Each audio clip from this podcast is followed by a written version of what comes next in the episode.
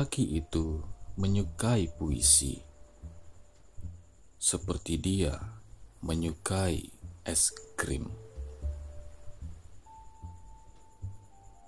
Puisi membuat hatinya meleleh bila ia sedang panas dan senyumnya rekah.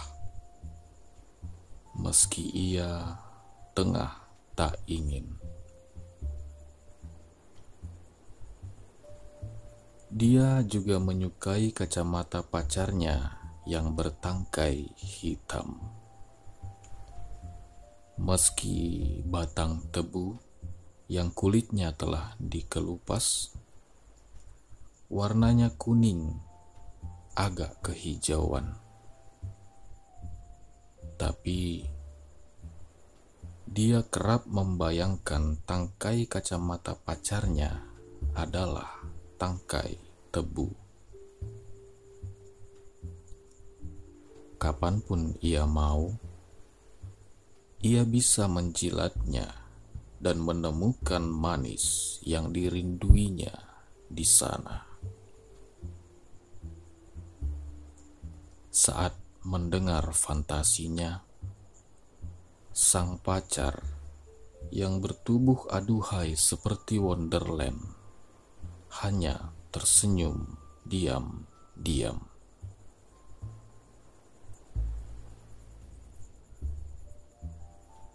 Lelaki itu suka senyum diam-diam sang pacar.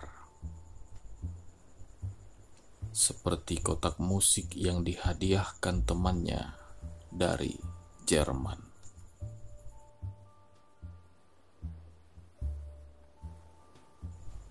Senyum diam-diam dan kotak musik dari Jerman. Keduanya ditaruh di sudut hati dan bisa mengobati sunyi kala si laki-laki benar-benar terisap sepi. Itu telah dibuktikannya berkali-kali. Hanya saja, si lelaki tak tahu kalau pacarnya cemburu dengan kotak musik dari Jerman itu.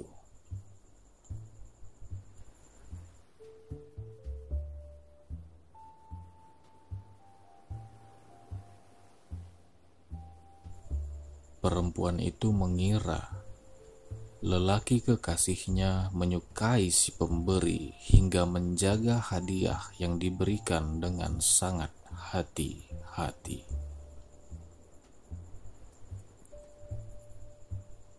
Tak mau kalah, suatu hari ketika si lelaki berulang tahun yang ke-25, sang pacar memberinya hadiah sebuah piano sungguhan berharap lelaki itu lupa dengan kotak musik Jerman dari perempuan yang diakuinya sebagai teman.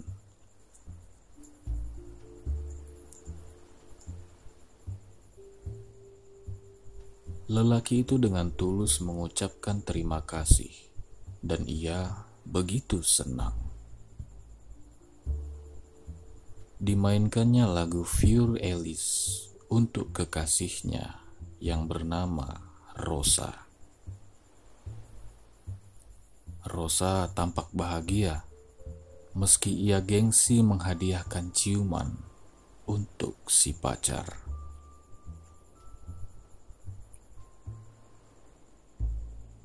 Lelaki yang jarinya masih menempel di atas tuts piano itu maklum akan sifat kekasihnya. Ia pun lantas memainkan lagu yang begitu saja diciptakannya. Rosa, kekasihku yang tak ekspresif. Begitu judul lagunya. Untuk membuat cemburut di wajah Rosa bertahan hanya sebentar, Lelaki itu membingkiskan hadiah balasan untuk piano besar yang dihadiahkan Rosa untuk ulang tahunnya.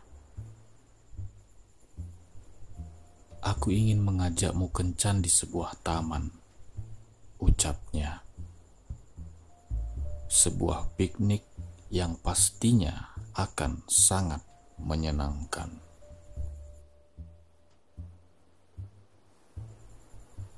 Lelaki itu membeli sebotol civas, memasukkan roti garlic panjang ke dalam keranjang, tiga butir apel Fuji, setengah kilogram anggur hijau berwarna segar, dan empat butir telur rebus, beserta dua bongkah besar kentang bakar. Bermaksud untuk membuat kejutan. Di bawah tupperware kentang bakar itu, diam-diam si lelaki menyelimuti sebuah puisi dan hendak membacakannya di depan sang kekasih nanti.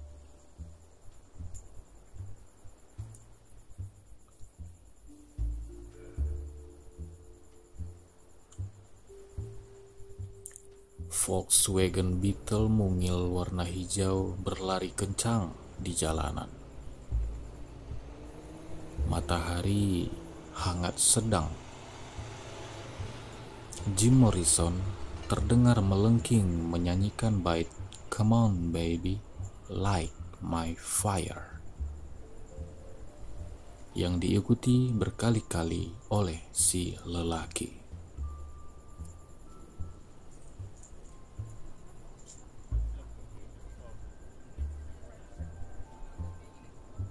Seperti biasa, Rosa hanya tersenyum diam-diam sambil menikmati angin yang menggulung anak rambut di dahinya. Kacamata minusnya yang bertangkai hitam kali itu tak tampak seperti batang tebu di mata si lelaki. Kekasihnya itu tengah sibuk dengan jalanan yang kadang melebar, kadang menyempit. Sesekali terdengar bunyi rem yang mendecit.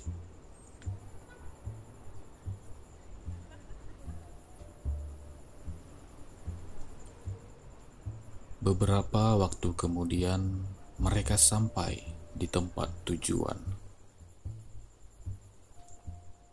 Yang dilihat pertama kali oleh Rosa di taman itu adalah langit yang gelap. Empat pasang bebek hitam yang sedang berenang di danau, pohon cengkeh yang dengan mustahilnya dibiarkan tumbuh di tengah lapangan oleh si pengelola, dan deretan warung makan franchise yang membuatnya tak lagi merasa di tengah sebuah taman. Yuhu, kita sampai.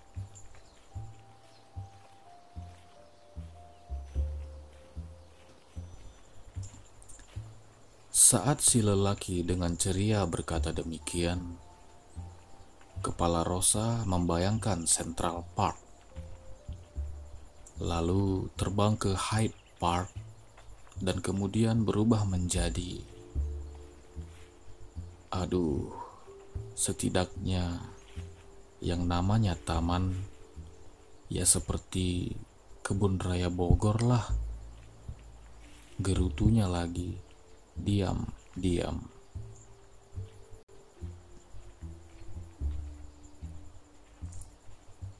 Lelaki itu ingin membawa Rosa ke sebuah tempat yang akan membawa mereka lebih dekat dengan langit mengamati pucuk-pucuk pohon sambil berjalan berdempetan, mengakali rumput-rumput liar yang tumbuh mengganggu kaki para pengunjung di jalan setapak. Maka, tak ayal tempat yang agak menepi dekat hutan itulah yang dijadikannya pilihannya.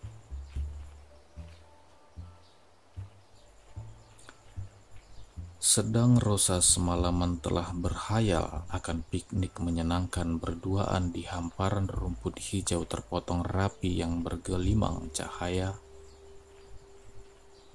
Makan siang ala de la carte. Minum civas regal ditingkahi suara hening alam. Dan kekasihnya yang agresif itu akan mencuri sedikit cium dari bibirnya saat mereka tiduran setelah kenyang makan siang.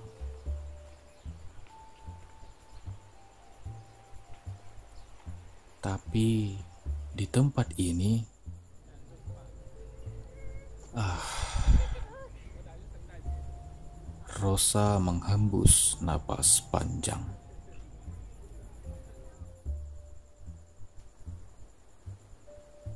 Karena si lelaki telah bersama Rosa selama lebih dari dua tahun. Dan itu artinya adalah sebuah hubungan yang lumayan cukup lama. Si lelaki bisa tahu. Bahkan saat kancing di ujung bawah baju Rosa tak sama warnanya. Perubahan sekecil apa pun yang terjadi dengan kekasihnya bisa dia endus dengan mudah.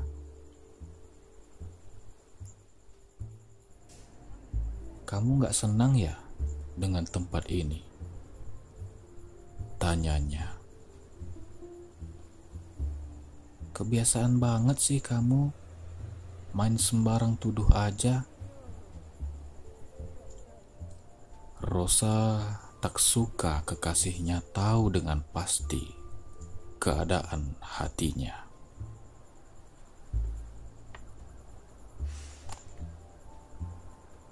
Gak ada yang nuduh kamu, ah. Aku cuma bertanya kok. Si lelaki kini tahu pasti Rosa memang tak senang dengan tempat piknik yang dipilihnya.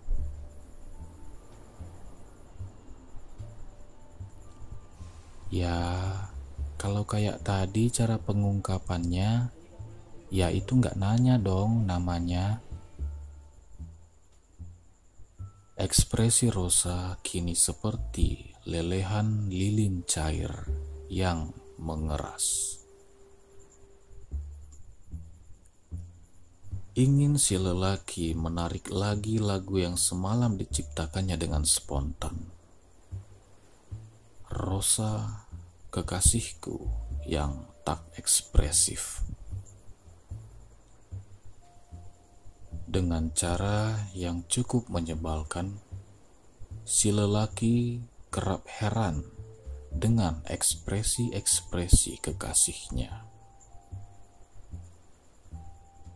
Kalau yang berhubungan dengan ekspresi cinta, Rosa kelihatan sangat tumpul bebal, hati-hati, dan terlalu jaga image. Tak mau mencium duluan, tak pernah sekalipun bilang "I love you", kecuali bila di atas ranjang, dan itu pun setelah ia menghiba meminta. Rosa menolak diseberangkan di jalan sambil digandeng tangannya. Dan ia tak pernah menggelendot manja seperti kebanyakan tingkah mesra perempuan kepada kekasihnya. Rosa tak mampu menampakkan kemesraan baik di depan publik ataupun saat sedang bersama teman-teman. Tapi untuk ekspresi-ekspresi yang lain, uh, Rosa jagonya. Terutama untuk urusan marah.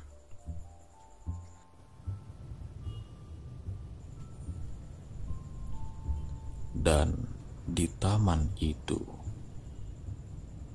sang lelaki sangat tak suka ekspresi lelehan lilin cair yang mengeras di wajah Rosa. Ia ingin segera mengembalikan semua ke keadaan semula. Bukankah ini adalah piknik dan mereka harusnya bersenang-senang? bukannya saling marahan.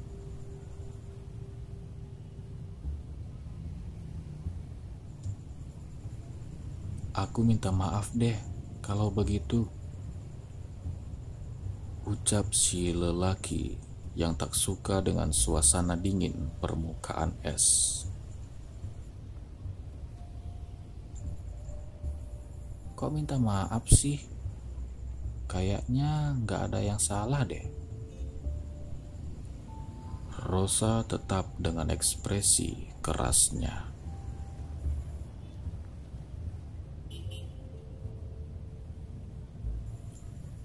Ya sudah. Jadi, kamu maunya gimana? Kita pulang saja.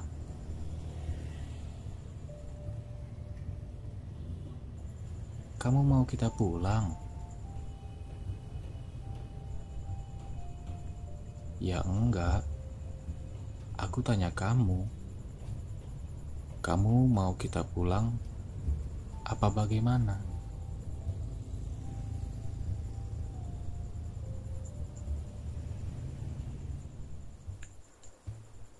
Mereka berdua berada tepat di tengah taman, sebelah barat lahan parkiran.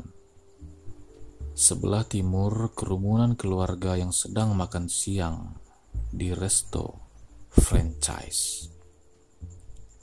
Sebelah selatan, danau yang berkeriap menyilaukan, sedangkan sebelah utara adalah hutan yang akan dituju si lelaki.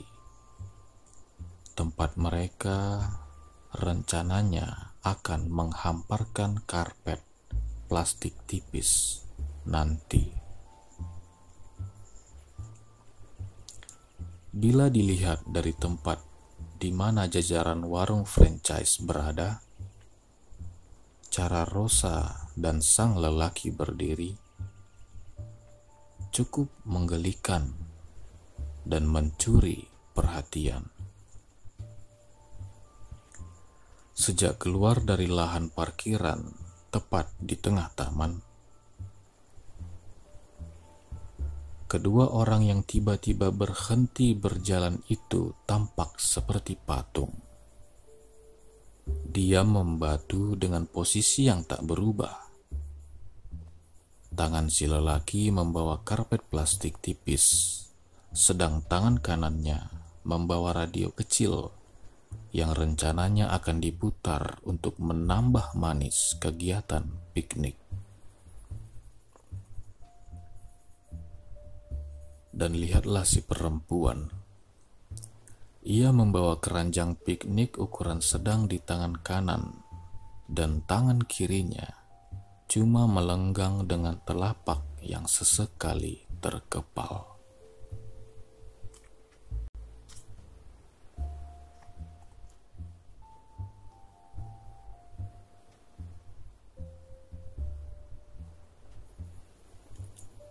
Kayaknya kita bukan patung deh. Kok diam saja begini sih? Ada suara dengan bendera putih tanda damai yang menyembul keluar dari intonasi kalimat yang diucapkan Rosa. Setelah sekian lama keduanya terdiam. Sebersit kesadaran bahwa acara piknik siang itu merupakan rangkaian dari pelayaan ulang tahun sang pacar, membuat Rosa berusaha tidak terlalu egois dan melumerkan emosinya. Sebenarnya, kamu mau ajak aku ke mana sih? Wajah perempuan di hadapannya kini terlihat seperti matahari sore yang melembut. Lelaki itu menarik napas lega diam-diam. Ia sungguh tak suka suasana kaku, tak nyaman yang muncul di luar skenario-nya barusan.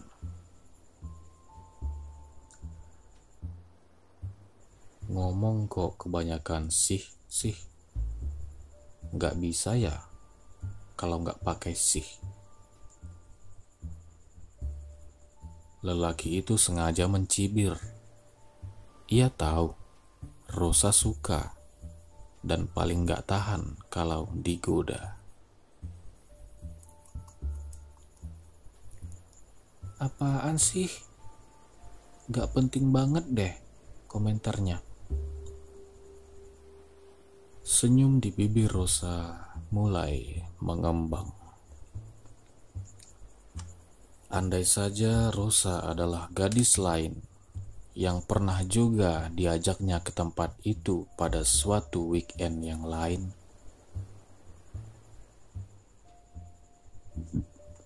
maka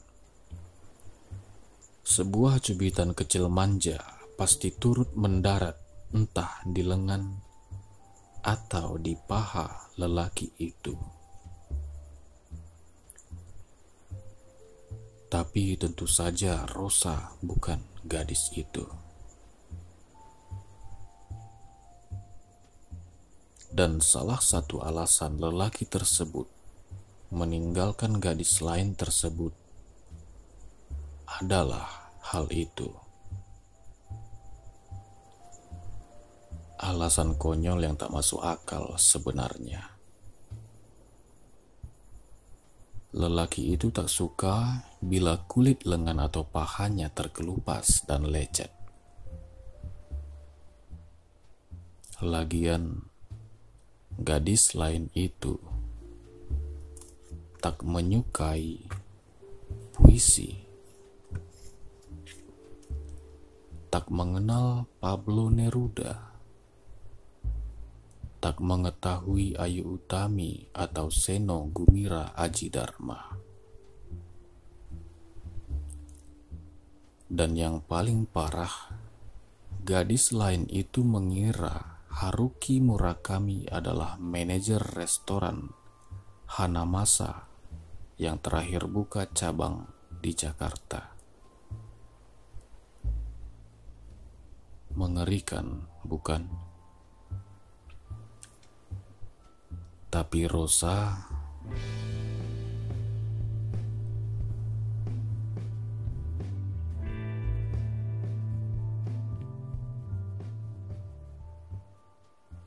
Langit yang sejak tadi agak gelap mencurahkan hujan dingin tiba-tiba yang merintiki mereka. Seguratan benda cair menetes dari ketinggian menghinggapi pipi Puala Merosa. Membuat perempuan itu melepas kacamatanya, menengadah ke langit dan menjumpai selarik awan berisik yang mengingatkannya pada puisi yang dikutip Neil Gaiman dalam novel Stardust. Mackerel sky, mackerel sky, not long wet, not long dry. Ya, ini pasti gerimis yang sebentar. Dan lelaki itu terpana. Entah puisi lembut yang dirapal Rosa dalam hati ataukah posisi wajah Rosa yang mendongak dan memperlihatkan leher putihnya yang jenjang, yang membuat desiran itu tiba-tiba muncul ke permukaan. Begitu saja, menghadirkan denyar berahi di dada si lelaki, membuatnya ingin menggumuli sang pacar saat itu juga di bawah hujan. Sekali dalam hidup, Tak apa bila kita melakukan secara spontan apa yang kita inginkan. Demikianlah batin si lelaki. Dan begitu saja benar-benar dilepaskannya radio di genggaman tangan kanannya. Dibuangnya karpet plastik tipis dari genggaman tangan kirinya. Ditubruknya Rosa yang masih menghadapkan wajah ke langit di sana. Diciuminya leher perempuan itu seakan ia tak pernah mencium bagian tersebut sebelumnya. Digapainya bibir Rosa yang berusaha berontak, tapi kemudian terdiam setelah laki-laki itu memeluknya lebih erat. Berahi liar yang dihembus Rosa dari dengus napas lelakinya membuat perempuan itu tahu bahwa menikmati saja momen tersebut adalah satu-satunya hal yang bisa ia lakukan saat itu.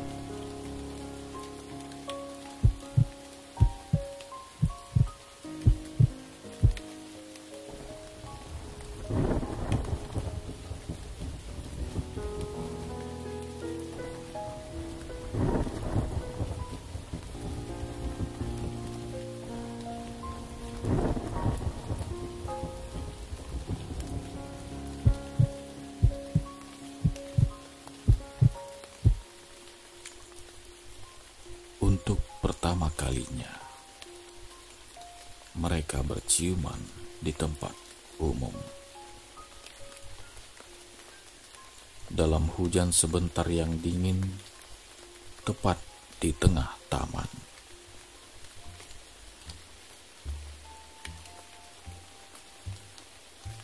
Jantung laki-laki itu berdebar hebat, dan dadanya membengkak seakan tak cukup besar untuk membuat semua perasaan yang saat itu ingin ditampungnya. Dan saat ia membuka mata seraya mencium kembali bibir Rosa, mata hitam perempuan itu balas menatapnya. Dan dalam mata itu, si lelaki tak bisa membayangkan untuk berpisah darinya.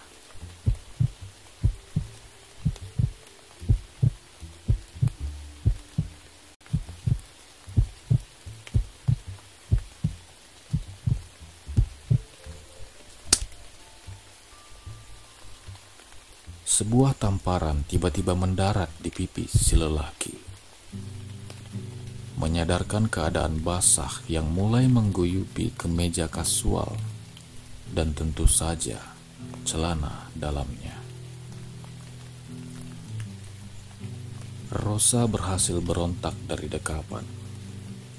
Perempuan itu berlari menuju tempat berteduh terdekat setelah menamparnya.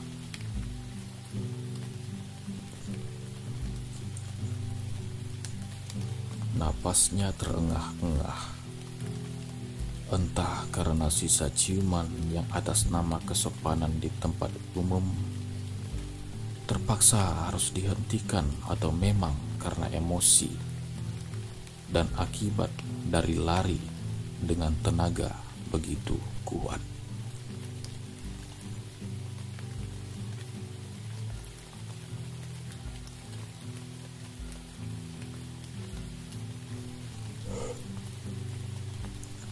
Tapi Rosa, aku... Lelaki itu berteriak sambil menyusul kekasihnya. Hujan tak tambah membesar.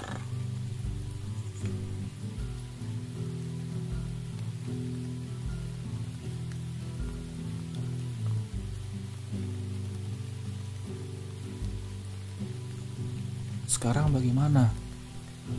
Masih mau piknik? Sergap Rosa dengan mata mendelik begitu si lelaki sampai di tempatnya. Makanan jatuh di tanah, karpet kuyup, dan radio transistor ibuku pasti rusak dimasuki air. Bajuku Perempuan itu mengusap-usap baju putihnya seolah ujung jari bisa mengeluarkan efek panas dan mengeringkan pakaian yang menceplak lekuk tubuhnya. Tapi kamu gak marah dengan lelaki itu terlihat gugup. Ciuman tololmu di muka umum.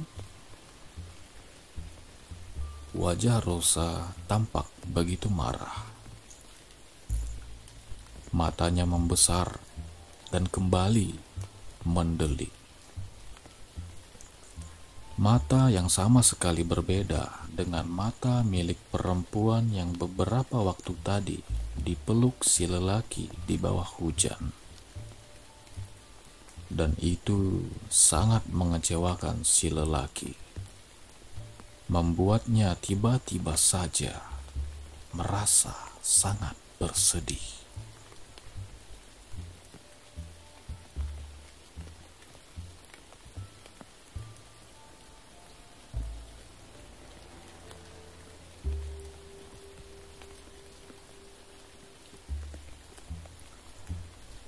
Lelaki itu berpikir, adakah Rosa tak kunjung mengerti juga tentang rahasia dari sebuah ciuman?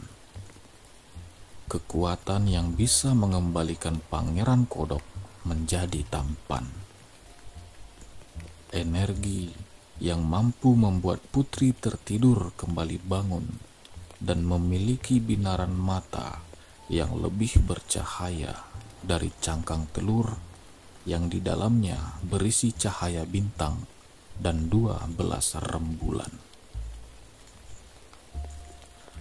Dan perasaan bahwa kekasihnya tak menikmati ciuman yang bagi selelaki teramat dramatik tadi, sebuah ciuman yang membuatnya merasa menjadi lelaki paling romantis sedunia, membuat si lelaki itu benar-benar merasa tak berguna.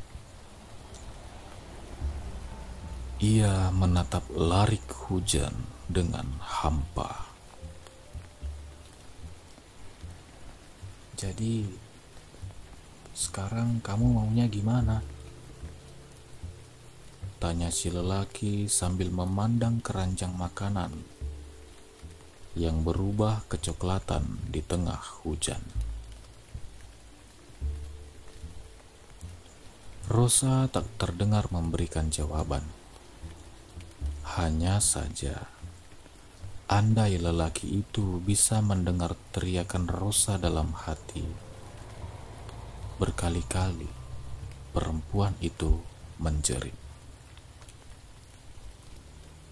Ini benar-benar piknik yang tak menyenangkan. Ini benar-benar piknik yang tak menyenangkan.